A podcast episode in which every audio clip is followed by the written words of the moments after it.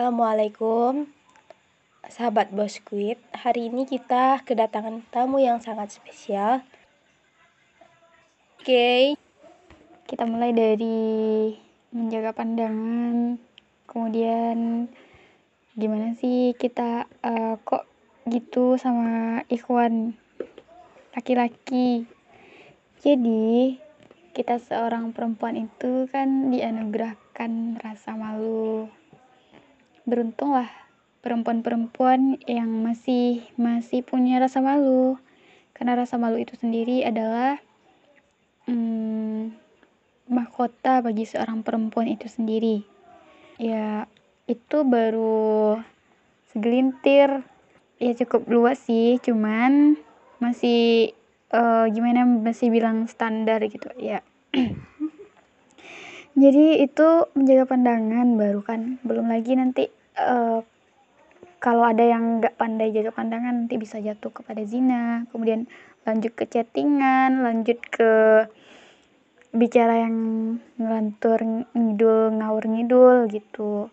Jadi sebaiknya ya kan jaga hati yang paling penting. Supaya jangan sampai ada apa pengaruh-pengaruh setan itu masuk kepada kita. Gitu harus protek diri sendiri dulu sebelum ada yang protekin. Oke kak. Syukron. Uh, jadi setelah penjelasan dari akak nih muncul lagi sebuah pertanyaan gitu kan. Jadi kalau kita tuh kagum kepada salah seorang ikhwan uh, jadi apa boleh kita stalker diam-diam? Apakah itu wajar atau itu harus di dikuras sehabis-habisnya. Oke sip.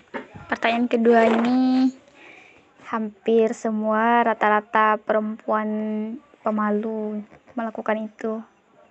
Benar apa enggak?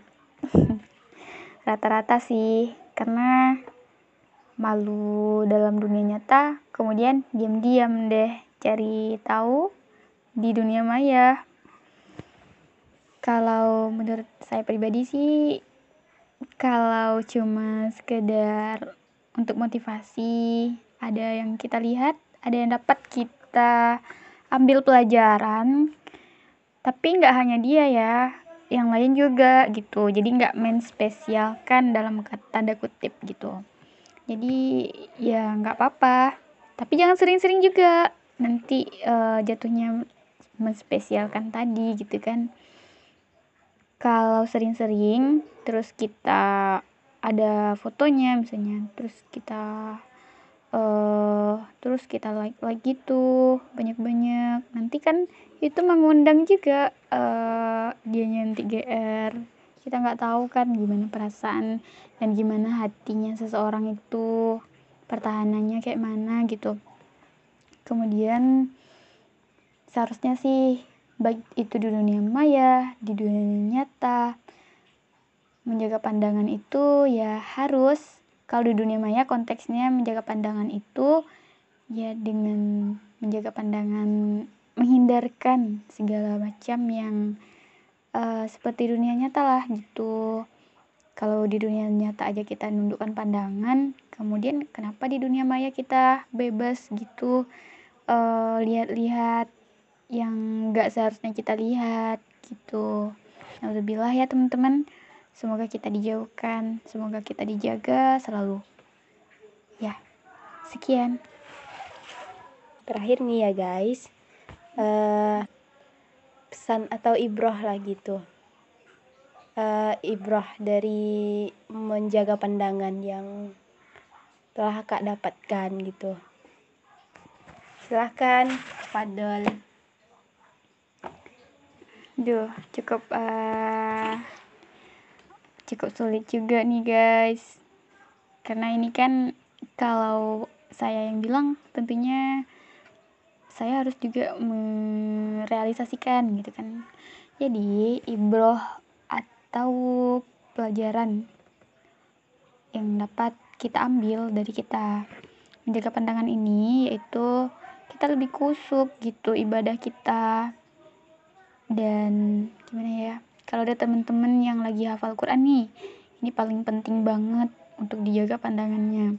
Karena kalau kita nggak menjaga pandangan terus kita lagi hafal Quran itu bisa keganggu bisa nggak fokus gitu.